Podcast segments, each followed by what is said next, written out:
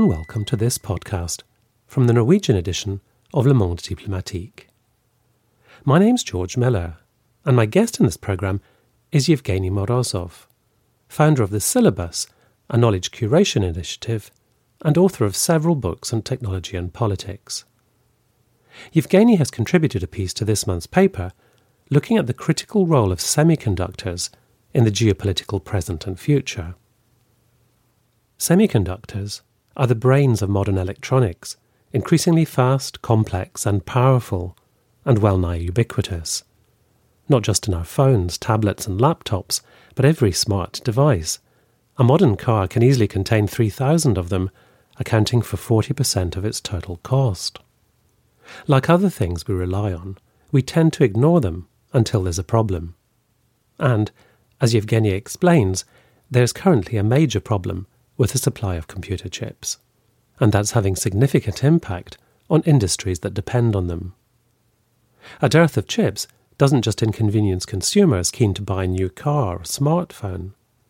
Earlier this year, President Biden held up a silicon wafer and said, This is infrastructure.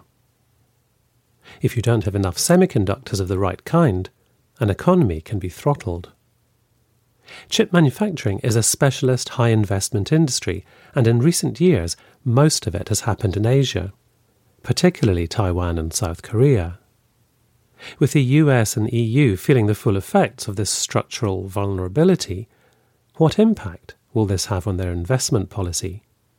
Especially given China, still a net importer of chips, has serious ambitions to ramp up domestic production. We'll come back to all these questions, but I began by asking Evgeny to set the scene. I mean, chips um, are ubiquitous, so it's easy to forget that there are literally billions, if not trillions, of them that circulate and that are made every year. But at the same time, they are somewhat difficult to make, especially uh, those of the latest generation. Apple doesn't actually make its own chips, so even a company that's one of the most highly valued companies in the world is only capable of actually designing them, and that's also something very recent. Uh, most of the chips are made by just a handful of companies many of them concentrated in Southeast Asia, and that creates all sorts of geopolitical headaches for companies, but also governments. But essentially, chips is that uh, unique product which is everywhere, but also um, kind of nowhere when you have shortages like the one that we are going through right now. So this is what accounts for a lot of these headaches. It's the fact that like most industries, this one is given to boom and bust cycles, and occasionally there are too many of them being made. Sometimes there are too few, and now we are in the uh, deficit side of the cycle. So there is a global shortage, and that means that all the industries that depend on chips suddenly have to scramble and uh, search for new supplies or modify their products in order to continue functioning, perhaps with reduced capacity or functionality. So, what accounts for the current shortage? Is it as simple as COVID disrupting production and supply chains, or is there more to it than that? Well, there are a number of factors which account for the fact that uh, we have the shortage. I mean, the shortages happen every decade or so. I mean, that it's not the first time something like this happens. This time, uh, it's a number of factors. Uh, COVID, of course, enters into the picture because it messed up quite a bit with the projections that the car makers, which are one of the main, uh, well, they're one of the main consumers of certain type of chips and semiconductors have made. They saw that the demand wouldn't recover as quickly as it did. So that's clearly one part of the story. And the practices inside the automotive industry are such that they normally hold very low inventories of chips. So they don't actually have enough in their warehouses when they're running low. Uh, and for a long time during globalization, this was believed to be a completely normal uh, state of affairs because that's how you were supposed to cut on costs as part of this just in time mindset. But there are also other factors. Climate change is increasingly a factor because we have freak weather accidents affecting production of chips in facilities all over the world. We have droughts, we have uh, storms, uh, we have fires at factories all over from Japan to South Korea to Texas, uh, and that also has contributed quite a bit to disrupting uh, the supply of chips. And then there are what I would call secular trends, which are trends that have to do with some of the structural trends in the global economy and the emergence of new factors like, for example, electric cars uh, or just the overall digitization of the car. It just means that there are more and more chips that are needed. The emergence of cryptocurrencies is another factor because they rely heavily on computing, which also requires uh, quite a lot of chips. So the, all these factors somehow uh, came together uh, last year. Uh, maybe even at the end of 2019, it was already clear to some, like Volkswagen, for example, that there was a problem with chips. And we've been living for the last, um, I would argue, 18 months. Uh, the consequences of this crisis with disruptions to supply chains and uh, increased prices for certain products uh, and uh, reduced functionality of certain gadgets, including cars and so forth. I mean, one of the things that you say in your article, which I hadn't, I had not thought about, was that forty percent of the cost of a new car is chips, and I was really surprised it was as high as that. And then when you think about it, well, what are cars? They're sophisticated computers on wheels, really, aren't they? And that makes me think, well, why don't why don't car companies make their own chips? Why is it outsourced? Is it a matter of keeping costs down? Is it a matter of not having the expertise? Is it a matter of sort of the, the sort of philosophy that underpins the, the whole of the, um, the, the car manufacturing business? I mean, the semiconductor or the chip industry is actually a very good case study to understand how our thinking about capitalism, but also about globalization, uh, has changed over decades. Uh, it used to be that uh, they were made um, almost entirely in house uh, by big companies like Fairchild Semiconductors, which was one of the early companies to do that in the US, or by Intel. With time, however, uh, it became obvious that the process was so complex and required so many different steps, many of which were labor intensive, that it was possible to take advantage of lower labor costs in essentially you know emerging markets or you know the global south and to disaggregate the entire production process into more and more steps so that in one step you can just be designing chips and another step you can be assembling them then you can be testing whether they work. And that was kind of pretty much in line with the gospel of globalization and outsourcing and cost shifting and, and so forth.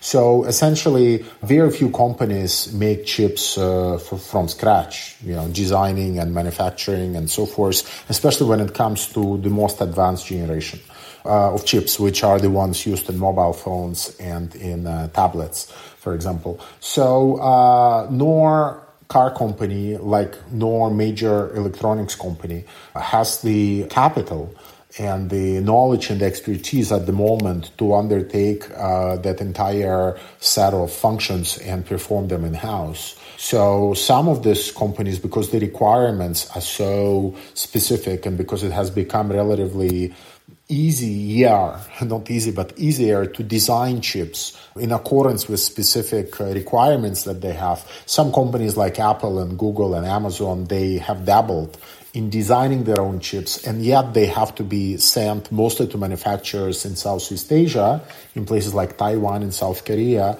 where or China, where these chips are manufactured. But keep in mind that the cost of building uh, the latest factory that is actually capable of manufacturing the most advanced chips are tremendous. I mean, we're talking about tens of billions of dollars. So that's another factor why it's just not feasible for any other company that does something else other than chips to essentially take on this process and do it in house. And that's why even giants like Apple and Amazon are essentially dependent on these few chip manufacturers, which is where most of the costs are concentrated. And of course, were you to shift chip manufacturing to the US or to Western Europe, uh, the cost would be even higher because the labor costs, uh, of course, are also higher in those locations. So, because of the way big companies like Apple have sort of structured their design and manufacturing, there's an inherent vulnerability because of their reliance on these chips, which is, you know, you were describing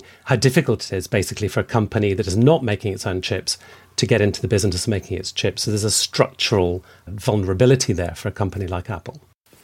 Well, essentially, what we see with chips is that you, you, cannot have enough of them, right? You cannot have enough of them because essentially, you know, even if you go and buy uh, five times the number of chips that you need, chances are you will require more sophisticated chips in two or three years' time. I mean, this applies much more to companies that are on the cutting edge of electronics like Apple, which manufacture relatively small uh, and low energy uh, appliances and devices like smartphones. For cars, it's a somewhat different calculus because they just can't afford to have older and bigger uh, and cheaper uh, chips. So essentially, you, you always need to establish relationships with suppliers, which Apple has done. So they were one of the first to cultivate this firm in Taiwan, which is the largest manufacturer of uh, chips, TSMC it's called. Uh, it's one of the largest, actually, kind of non-data tech companies in the world by, by market capitalization. And Apple has cultivated a relationship with them, and I'm sure that they have a priority line when it comes to chip supplies. And even in, in their case of their collaboration, uh, there are strains, and Apple has announced that there might be disruptions to what models, uh, new models of iPhones, for example, that they're going to introduce. All of that has to do, of course, with factors which I haven't yet mentioned, which is that you have China as a kind of emerging uh, force, not just in chips, but also in 5G, in AI, and all of these technologies require to some extent some autonomy when it comes to chip making. So China has understood that they need to have their own autonomous chip making industry and they've been making huge advances in this field much to the displeasure uh, and concern of the United States.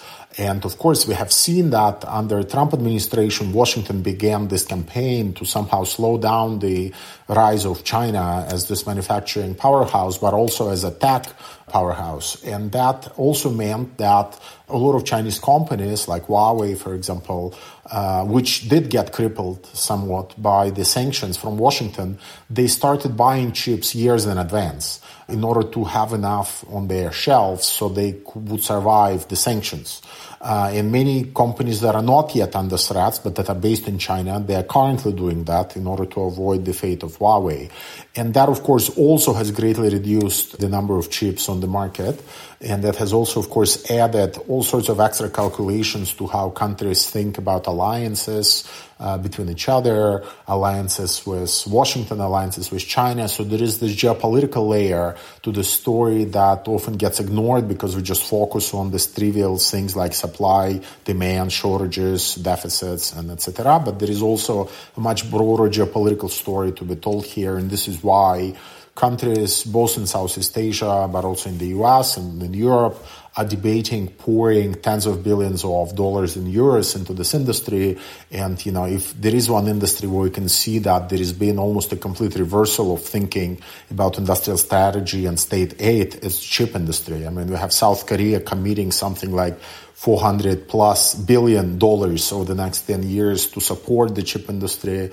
The amounts in China are staggering. The US, where any talk of state aid to an industry would be kind of prohibited or it would be all channeled through the defense department so nobody would notice it now is openly committing more than 50 billion dollars to the chip industry which is not a lot but it's something uh, so uh, this geopolitical story is just something to keep in mind because it shapes the actions of many corporate players at the moment, China is a net importer of chips and clearly wants to reverse that situation. But what would you say its strategic aims are in the in the chip market? To to dominate it, to control it?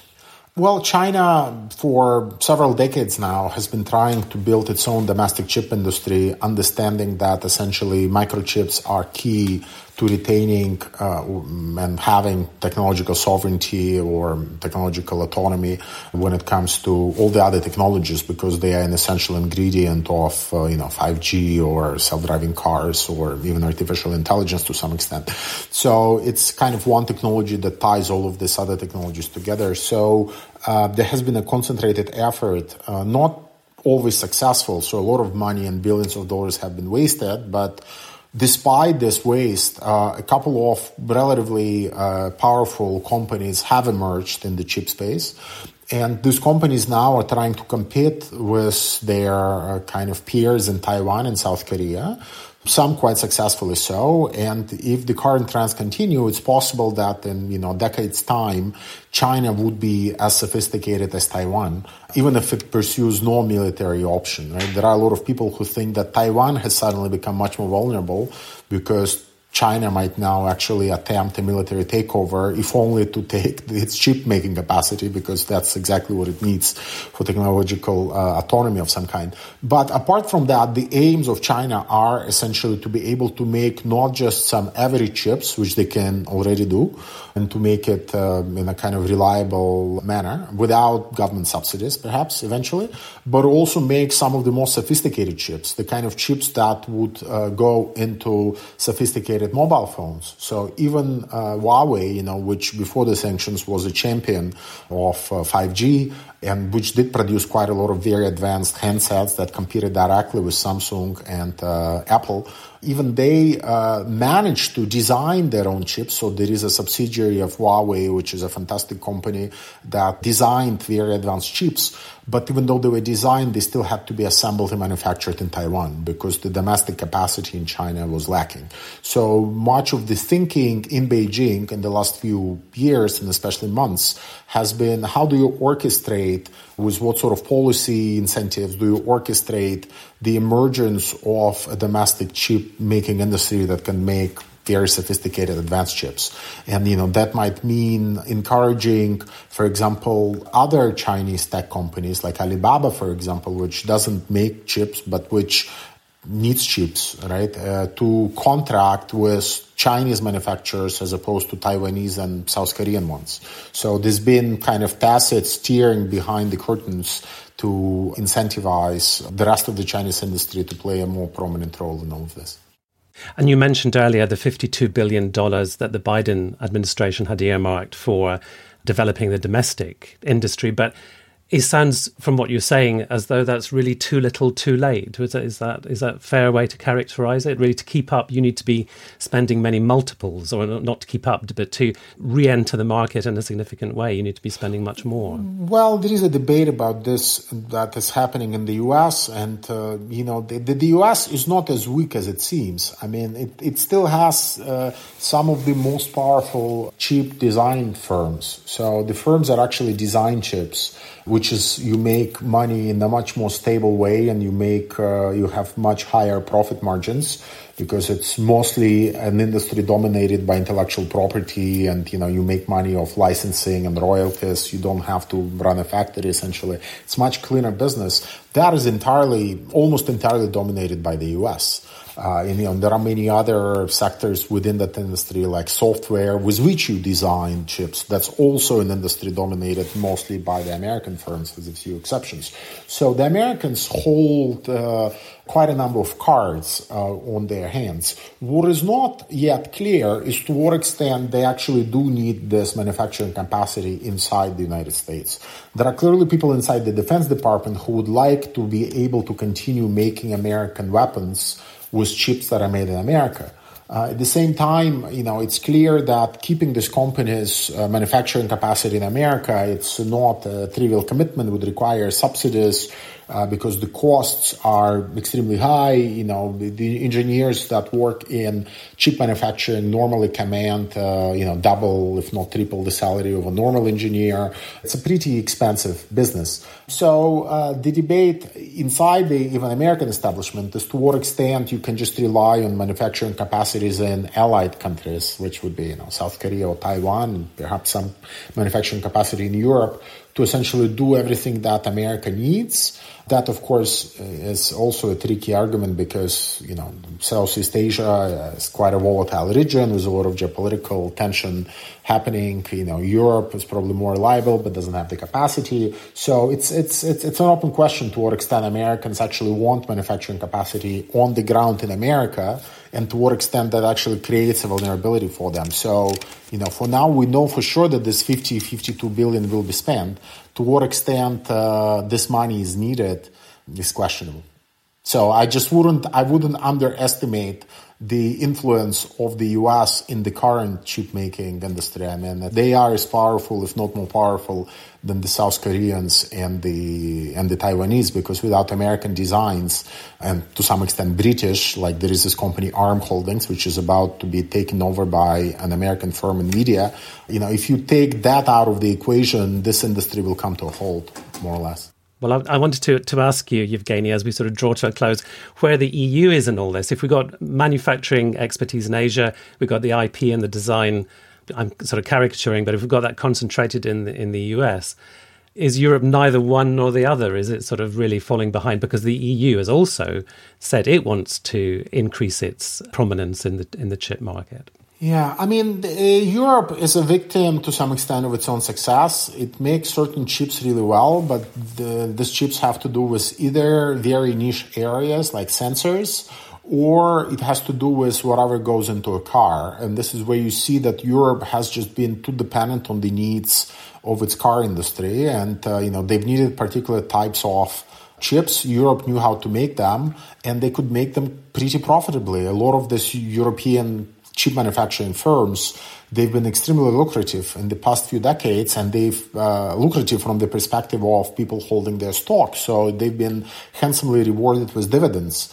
But uh, the money that could have been invested into expanding manufacturing capacity, into expanding the types of chips they were making in order to compete with the more advanced products from Southeast Asia, that money, of course, was not invested and was distributed as dividends. And then the question is, you know, would that money even be enough given that the European uh, Commission traditionally has exercised a pretty tough stance on state aid? And, you know, this is sort of the key to understanding the emergence of this industry to some extent in South Korea and China, to a lesser extent in Taiwan. So even if these companies were investing all their profits in uh, expanding capacity, would they be able to compete with Southeast Asia without extensive government funding?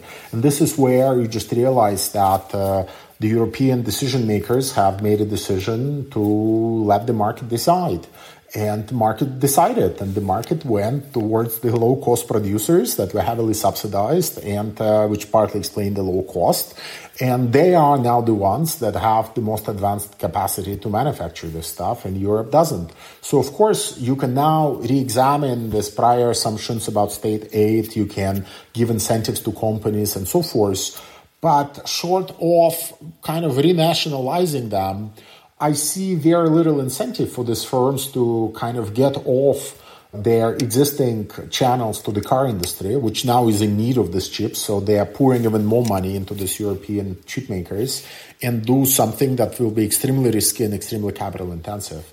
So it's a bit of a catch 22. Uh, it will require much more profound soul searching on behalf of European policymakers, both in the Commission and in the nation states. And I'm not sure that they are ready to embark on that soul searching. So we're likely to see Europe still play in these niche fields for a while. But then I think it's inevitable that its own manufacturing, well, manufacturing, but also design, which is already tiny capacity, will eventually get smaller and smaller. And in conclusion, Evgeny, your key message is that the geopolitical significance of chips is only going to increase in the future. Is that is that fair? Um, well, my message um, sort of uh, ultimately is that you know there is an underlying geopolitical battle that is now shaping our um, well shaping many of the battles uh, with regards to artificial intelligence, uh, 5G, also chips. The stakes in this battle are quite high many of the stories that we hear about, uh, you know, China being the bad guy, using espionage, using stealing, etc., and uh, getting ahead of the game by using illicit means, I think a lot of it is just propaganda. We have to be very cautious and careful about taking the stories at face value. Many of the countries played by the rules, so China to some extent did follow the playbook of uh, traditional kind of uh, economic theory with regards to building its own industries and wanting them to compete in the global markets. And I think we need to understand that, you know, the realization that the narrative of globalization, but also the scenario and the playbook of globalization is no longer fully controllable by, by Washington. It, it has repercussions, you know, and the kind of tension we're now seeing with China trying to establish itself as a major player in some of the leading technologies, it's a sign that uh, the power of Washington to set the rules is contested more and more, and that countries and regions and blocs like uh, the European Union, they have to be careful as to which side they choose. You know, for me, it's not obvious given the dependence that a lot of European industry has on China and Chinese market. Look at the dependence that a company like Volkswagen has on, you know, the Chinese customers that are buying Volkswagen cars. Now, given that dependence, it's not obvious to me that just following Washington's lead and everything it says with regards to 5G or chips or AI is just a wise move for Brussels. So countries that find themselves in the middle of this conflict, they have to be very careful before taking sides. I was speaking to Evgeny Morozov about the critical role of semiconductors in our geopolitical present and future, which is in the August 2021 edition of Le Monde Diplomatique in Norwegian. The latest edition of the paper is available to our subscribers and also on sale at newsstands across Norway and Denmark. Subscribers can also access it and the complete archive of the paper online at www.lmd.no. If you're not yet a subscriber, there's plenty of open access content online to entice you to become one. In the words of John Berger, why read LMD? To make sense of what's happening in the world, behind the misinformation. I hope you'll join me again soon for another interview with one of our contributors. Until then, thank you very much for listening, and goodbye.